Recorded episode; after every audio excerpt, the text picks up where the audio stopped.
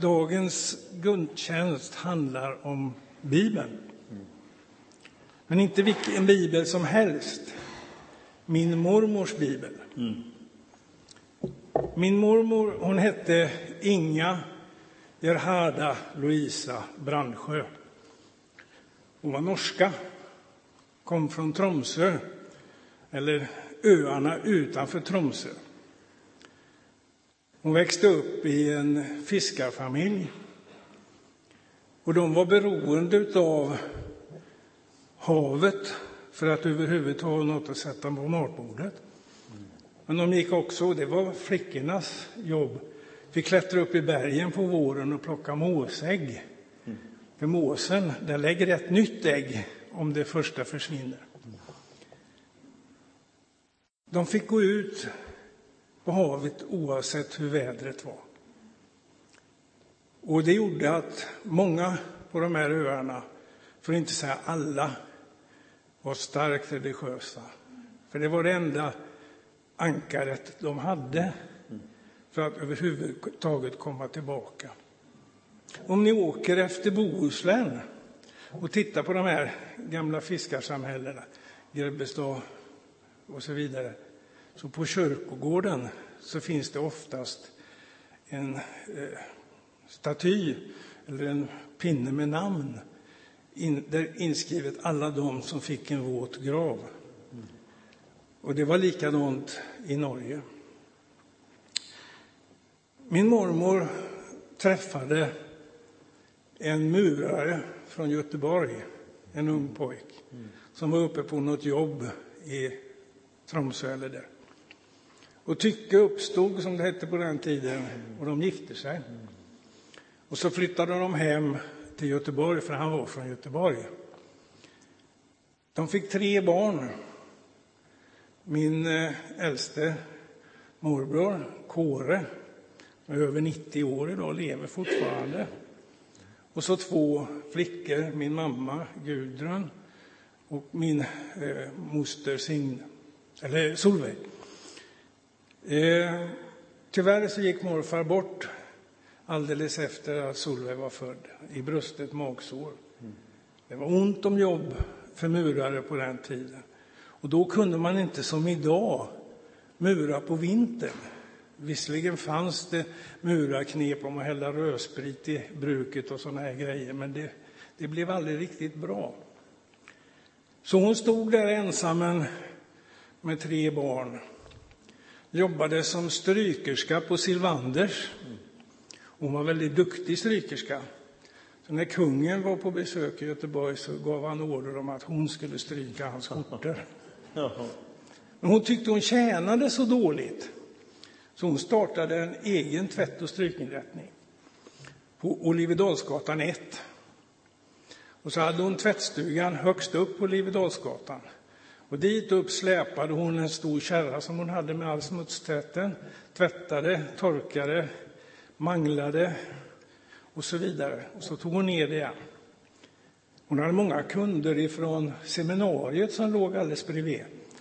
Inte minst utrikiska, som hon sa. Och hon kunde ju bara svenska och norska. Så när det kom folk som pratade tyska och engelska och förstod inte henne, då sa hon samma sak igen, fast högre. Ja. Och så trodde han att det skulle bli bra.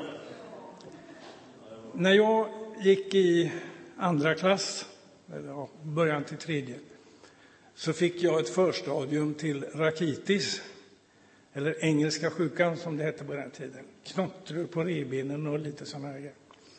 Så jag blev beordrad att sluta skolan och vila ett år. Och eftersom jag hade tre syskon hemma så blev det inte så mycket vila om jag var hemma, så jag fick flytta ner till mormor Inga.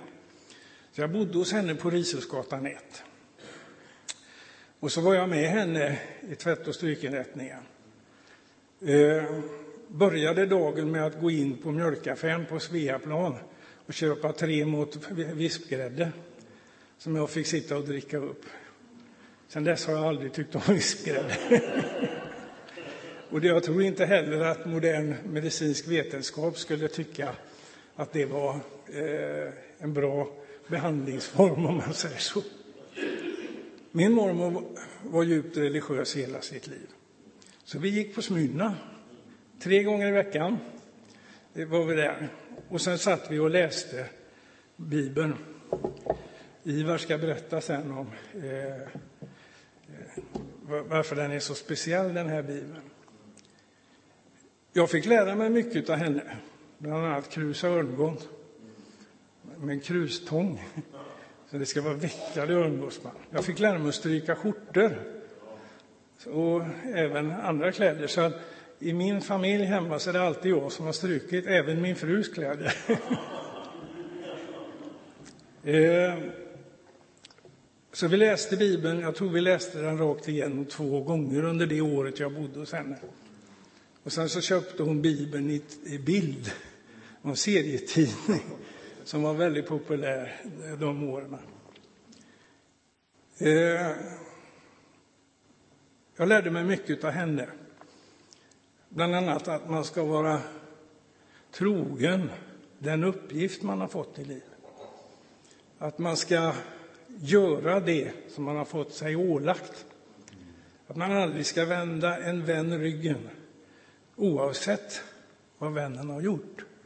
För är man vän så är man vän. Så när hon gick bort, 92 år gammal, hon fick två hjärtinfarkter. Och så efter den andra så sa hon till doktorn att om jag får en tredje hjärtinfarkt, gör inget, jag vill gå hem.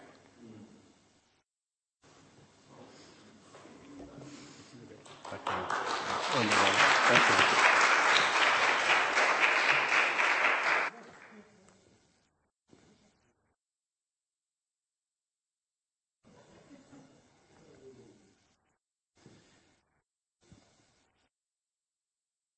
Och då ska jag alldeles strax öppna den här bibeln. Inga Brandsjös bibel. Och på eh, insidan av permen så står det just det här då. Ett testamente till barnbarnet Bengt Odlöv. Denna bibel skall efter min hemgång till Gud överlämnas till barnbarnet Bengt Odlöv. Men jag känner också att det är som ett testamente till oss som församling idag i den här gudstjänsten. Så det är väldigt speciellt. Jag känner Guds timing i det här. Jag kanske också ska förklara varför vi har bytt ämne. Det är ju för att det här har kommit in. Om ni läser församlingsbladet och även på affischtavlan här ute så står det att jag ska tala om frihet utan gräns. Och det beror ju på detta att jag ska gå i pension, som Ingemar sa. Och, eh, men då tänkte jag faktiskt prata om frihet inte utan gräns, utan frihet med gräns. Jag tycker det är ganska fantastiskt. Ehm, och ämnet för predikan nu har blivit istället har det blivit den troendes värdepapper. Och det ska vi strax öppna oss i. Det står på inne i den här bibeln, det är Inga Branschers hälsning. Ehm, och då tänkte jag så här, de här värdepappren pappren. Det handlar mycket om, om kontrakt och testamente och försäkringar. Vad har det med frihet att göra? Faktiskt ganska mycket. När jag stod här och Bengt talade så såg jag faktiskt flaggan där genom fönstret på läktaren. Och jag tror att jag har nämnt det här någon gång tidigare för er i någon gudstjänst. Bilden av flaggan. Vad är det för frihet i flaggan? Jo, den kan fladdra fritt i vinden, men den är bunden vid stången. Skulle vi lösa den från stången och det blåste skulle den känna en underbar frihet, men ganska kort. För den skulle strax hamna i buskaget och bli sönderriven eller på marken och bli smutsig. Och jag tänkte så här nu. Inga Brandsjö, jag tror att hon sjöng den här sången. Jag är bunden fast vid Jesus bunden fast med kärleksband. Och den tryggheten och den friheten tror jag inga levde med. Så det är ingen konflikt mellan frihet och trygghet, snarare tvärtom. Kom ihåg bilden av flaggan.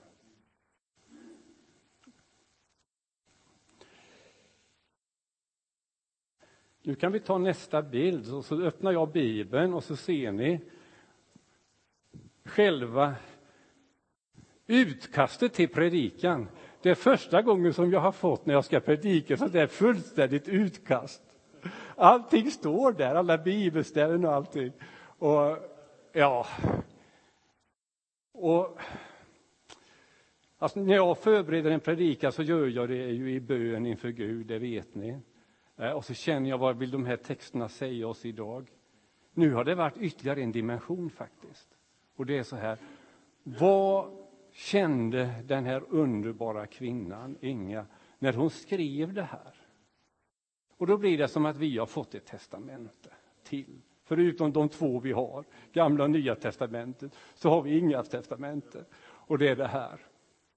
Troendes värdepapper. Mm.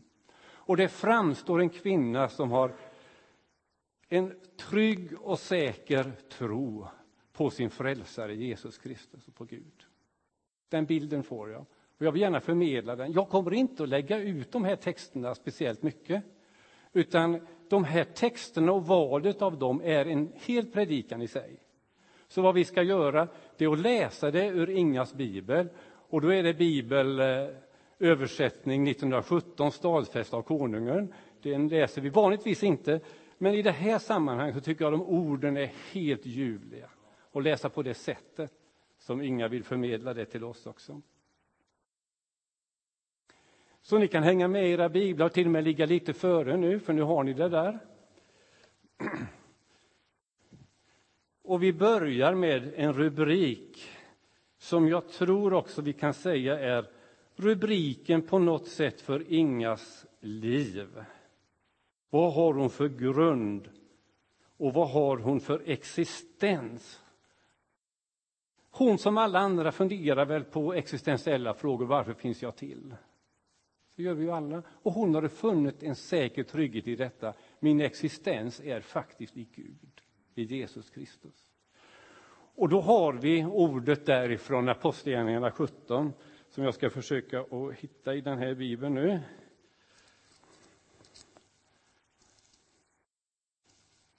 Apostlagärningarna 17 och 28. Vi tar det lugnt. Så är ni med och hittar i era biblar kanske. Välkänt. Ty i honom är det som vi lever och rör oss och är till. Hon hade sitt liv där. Och det var ett levande, fritt liv. Hon rörde sig, hon levde, hon var till. Vi har hört berättas hur hennes liv såg ut, vad hon gjorde, vad hon hade för uppgift i livet. Men hela tiden så var det det här som var grunden för hennes liv. I allt annat hon gjorde så levde hon i Kristus, hon rörde sig i Kristus.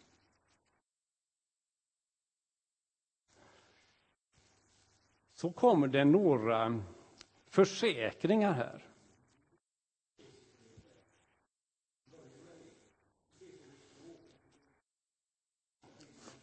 Vi återkommer till detta, Bosse. Det är helt lugnt. Det återkommer. Som du ser så finns det där nere också kanske.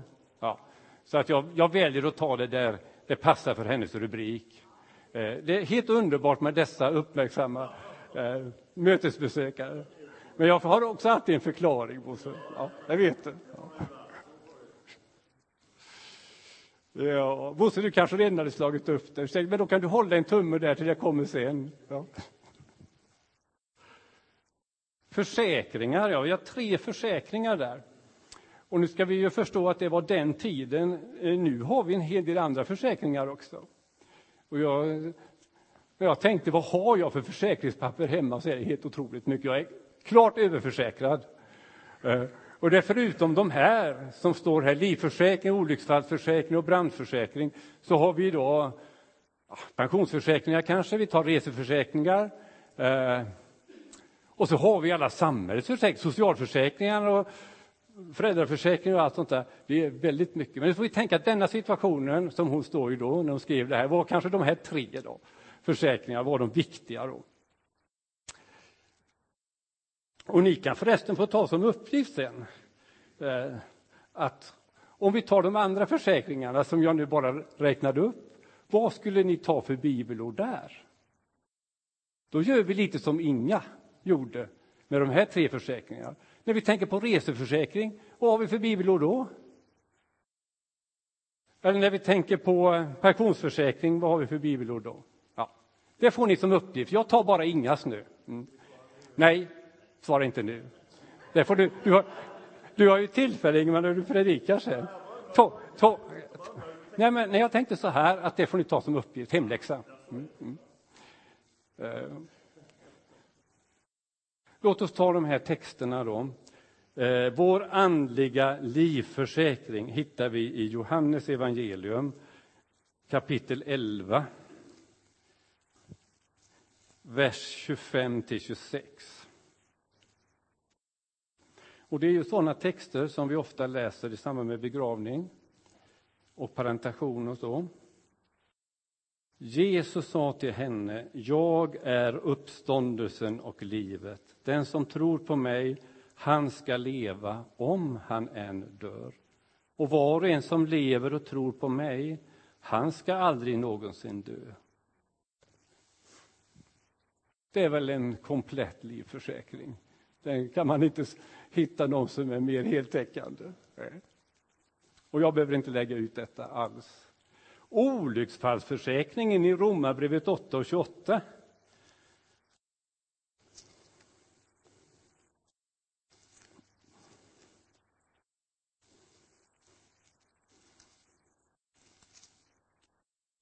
Det är underbart också bara att öppna den här bibeln. Det är så mycket understruket. Och det är understruket med lite olika färg. Och jag vet inte riktigt om jag förstod det, men det här är understruket med rött i alla fall. Så då tror jag att det är särskilt viktigt. Ja. Men vi veta att för dem som älskar Gud samverkar allt till det bästa för dem som är och kallade efter hans rådslut. Vilken trygghet! Vilket fantastiskt! Tänk att leva med det här. Hur är det då med brandförsäkringen? När jag läser det, de här texterna så fick jag en aning om vad det kan vara för bibelställen. Men när det stod brandförsäkring så visste jag faktiskt inte. Är det någon som, nu står det ju där, men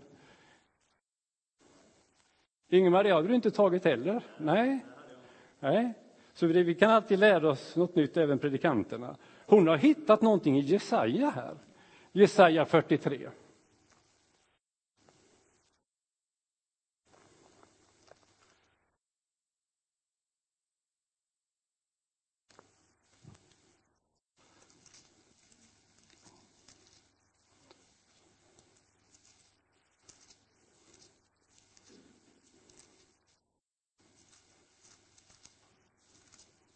Nu är ni säkert långt före mig, men det är också väldigt tunna blad här. Ni får ha lite tålamod. Och det, handlar, det skulle kunna vara en vattenförsäkring också, men nu är det brandförsäkring. Om du och måste gå genom vatten så är jag med dig, eller genom strömmar så skola de inte fördränka dig. Måste du än gå genom eld så ska du ej bliva svedd och lågorna skola ej förtära dig. Det var brandförsäkringen. Nu är det ju så att de här försäk att man har en försäkring, det garanterar ju inte att de här sakerna, olyckorna, händer än. Tvärtom. Vi är beredda på att detta svåra ska hända.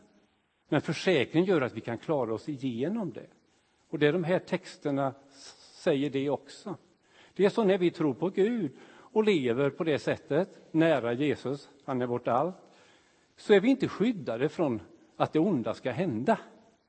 Men vi, vår försäkring är sån att om det händer så är han ändå där och leder oss igenom. Och det var vad den här texten säger. Ibland missuppfattar man det här, att tron på Gud försäkrar oss från allting. Nej, så är det inte. Men däremot finns det en försäkring som gör att när vi hamnar där, i svårigheterna, så kan han leda oss igenom det. Om det så är vatten eller eld. Nu är ju detta troligen symboliskt alltså också. Va? Så att det är ju vatten och eld på annat sätt än konkret. Saker som vi blir drabbade av som är jobbiga helt enkelt i livet. Ofta mentala saker.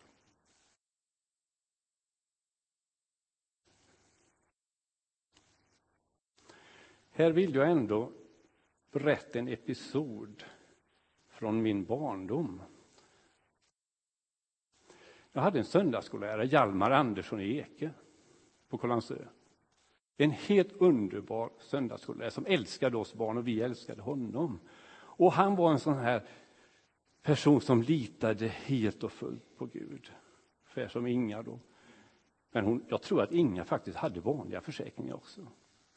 Tyvärr var det så att Hjalmar Andersson, han tänkte så här att jag har min trygghet i Gud. Han kommer att skydda oss, mig från allt det här också.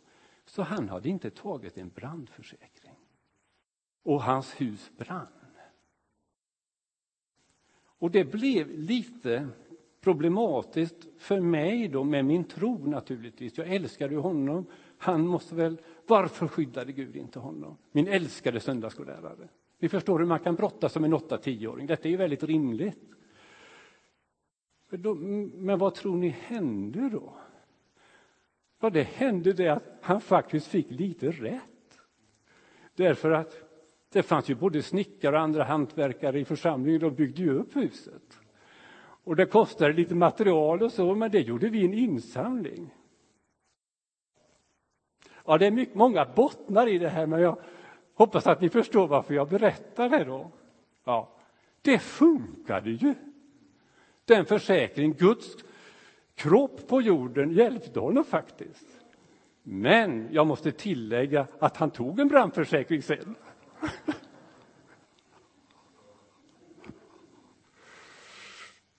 ja. Vi ska strax fortsätta, men när jag ändå är på de här episoderna så ska jag kanske ta en till. Med trygghet och frihet har jag redan berättat lite om. Vi behövde hyra eller låna några vattenskotrar på landet för ett visst evenemang vi skulle ha. Och då hade vi en, en vän och en granne som är oerhört generös. Jag visste att han hade vattenskotrar. Så gick vi dit. Men då säger han, tänk på att de inte är försäkrade. Aha, vi skulle ju ha de här vid en svensexa. Och det skulle ju vara lite tufft då. Vad händer? Ja, vi får vara mer försiktiga. Vi vågar inte dra på med vattenskotrarna, eller hur? Nej. Frihet, trygghet. Ha en försäkring. Då vågar du dra på. Ja. Och då har man både tryggheten och så har man friheten. För i och med att jag har den tryggheten, okej, okay, kan jag göra det. Mm. Låt oss gå nu vidare i eh, Ingas värdepapper och då hamnar vi i den andliga bankboken. Kommer ni ihåg när ni fick den första bankboken? Jag kommer ihåg det som liten pojke. Det stod några kronor där, men det var ju helt fantastiskt att ha det. Det står så mycket pengar har jag för att jag kan ta ut den när jag vill. Ja. Ska vi gå till Filipperbrevet 4 och 19?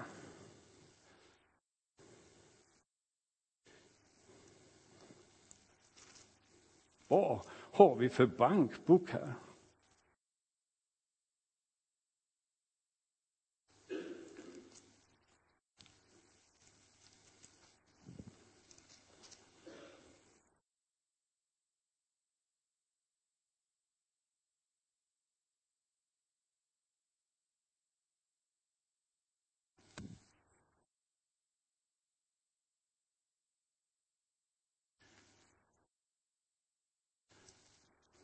Filipperbrevet var det, det hade hon faktiskt ingen sån här markering på det. Så skall och min Gud efter sin rikedom i fullt mått och på ett härligt sätt i Kristus Jesus giva eder allt vad i behöver. Mm. Det finns teckning i den bankboken. Vårt andliga testamente hittar vi i Romarbrevet 8 och 17.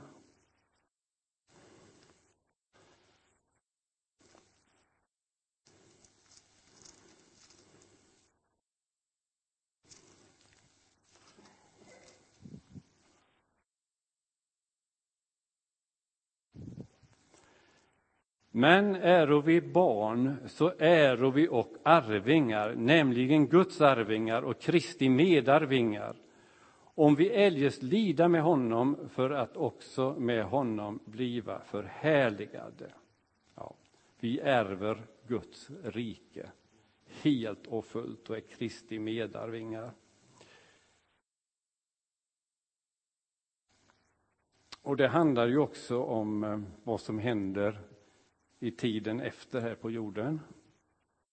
Ärver vi Guds rike, himlen, evigheten. Och det är även när det gäller huskontraktet. Vårt andliga huskontrakt, Andra Korinthierbrevet 5 och 1.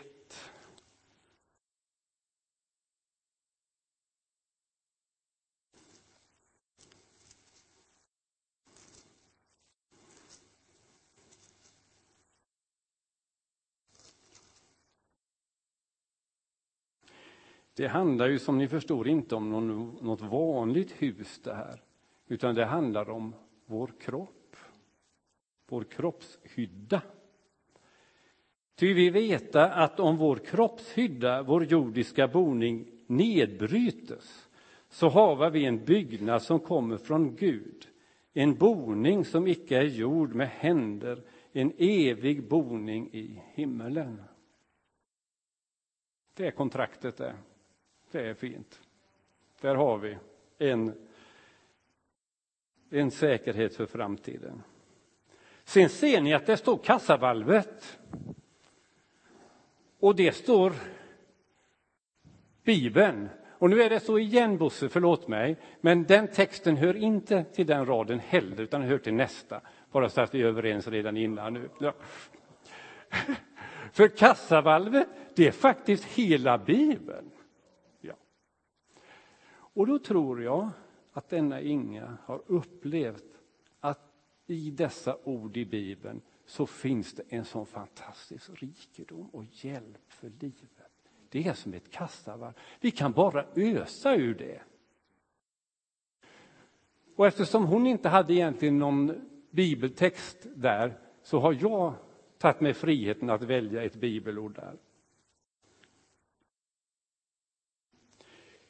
Bengt sa ju det också att de läste Bibeln tillsammans, läste igenom Bibeln, hans mormor och han då. Och du sa också att efter de hade, ni hade varit i kyrkan och hört en predikan så skulle ni gå igenom lite efter också. Det har du berättat för mig vid ett annat tillfälle. Så det var väldigt noga. Ja, vad menade predikanten med det här? Han läste det här, vad betyder det för oss? Och så på det sättet lärde hon sig väl att ösa ur den här fantastiska rikedomen som var Guds ord, Bibeln betydde någonting. Inte bara som man lyssnade av och sen gick hem, utan hela livet. Och då står det i Lukas, det är inte med där, då jag fick inte in jag vill inte ändra vad hon hade skrivit, men då ska vi läsa Lukas 6 och 45. Och jag behöver inte slå upp det då, utan jag citerar det bara. Då står det så här. En god människa tar fram det som är gott ur sitt hjärtas goda förråd. En god människa upplever inga som en mycket god människa. En god människa tar fram det som är gott ur sitt hjärta, det man har bevarat i sitt minne, det man har hört. Ur det hjärtats goda förråd. För sin egen del, säkert också för andra. Det var hennes liv. Den andliga hyran då, vad kostar det? det var nog väldigt viktigt naturligtvis, men hade, hon hade säkert inte jättemycket att röra sig med. Hur hög är hyran? Kommer jag att klara detta? Och så. så var ju livet naturligtvis. Och då var det den här relationen till hyran. Och nu är vi äntligen där i Efesierbrevet då. Efesierbrevet 2. 8 till 9.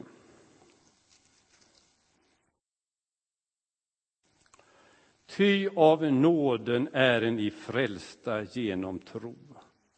Och det är icke av eder själva, Guds gåva är det.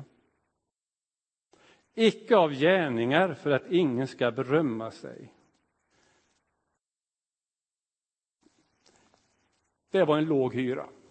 Det kostade ingenting att komma till Gud, ta emot frälsningen, Det är frälsningens dag idag, så alla är välkomna att ta emot det, som Inga gjorde. Fritt och förintet. Vi behöver inte prestera någonting, utan det är av nåd. Sen avslutar hon med himlens telefonnummer. Och jag är ju så gammal och kommer från landet, så jag kommer ihåg när vi fick telefon, när den installerades på 50-talet. Och det var lite speciellt och väldigt bra. Nu kunde man ju ringa ett nummer och så fick man kontakt direkt. Eh, så jag förstår att Inga tänkte så i relation till det här med att ha kontakt med Gud och bönen, att det var som en telefon. Och då gäller det att veta telefonnumret. Och det är psalm 50 och 15. Och kalla mig i nöden så ska jag hjälpa dig och du ska prisa mig. Himlens telefonnummer. Och det har vi undervisat barn i alla tider. På 70-80-talet, Ulla och jag, när vi hade söndagsskola, när vi hade läger. Lär er himlens telefonnummer. Kom fram, Ulla. För nu ska vi alla sjunga. Himlens telefonnummer, det är avslutning på predikan. Och eh, ni som har varit med länge har säkert sjungit den här sången. Ring, ring, ring på himlens telefon. Hur många kan den? Ja, titta här! Nu ska det bli en underbar sång och Ulla är sångledare. Vi, kan vi har den på skärmen också. Jag känner igen den från 50-talet och 60-talet. Små sångare. Jag har en liten telefon. Och eh, när vi pratade om det så kom den bara. Jag tänkte, kunde jag den? Kommer jag ihåg den? Det var nästan lite konstigt. Men det visar sig, jag har testat med flera vänner, börjar man sjunga den så kan de den. Ska vi se? Ja, vi ska se om ni kan den. Jag har en liten telefon. Den ska sjungas lite mjukt och vänligt. Jag har en liten telefon, en bönens telefon. Den leder ifrån denna jord till himlens nåda tron. Så snart jag ringer på min vän jag alltid får till svar ett vänligt ett hallå, hallå Ty linjen den är klar Tingelingelingeling Skynda dig och ring Ring på bönens telefon till himlens nåda tron. Till numret himmelen står det där. Till numret himmelen, ja. Men, men jag tror att ni kan bättre. Kan ni inte bättre? Ska vi ta den en gång till? Ja. ja. Absolut. Är ni beredda? Mm. Jag har en liten telefon, en bönens telefon. Den leder ifrån denna jord till himlens nåda tron. Så snart jag ringer på min vän jag alltid får till svar ett vänligt ett hallå, hallå, ty linjen den är klar. Tingelingelingeling, skynda dig och ring. Ring på bönens telefon till numret himmelen.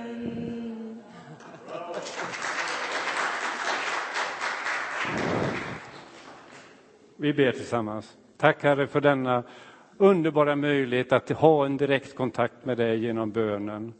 Och att linjen den är alltid klar. Du svarar här och du har ett tilltal till oss. Tack för det här testamentet som vi har fått delat idag från en Guds kvinna som nu är hemma hos dig. Tack för att vi fick vara med och dela dessa tankar som var för hennes liv. Och låt oss verkligen fatta värdet i alla dessa tillgångar, dessa värdepapper som vi har i tron och i livet med dig, Jesus Kristus. Amen.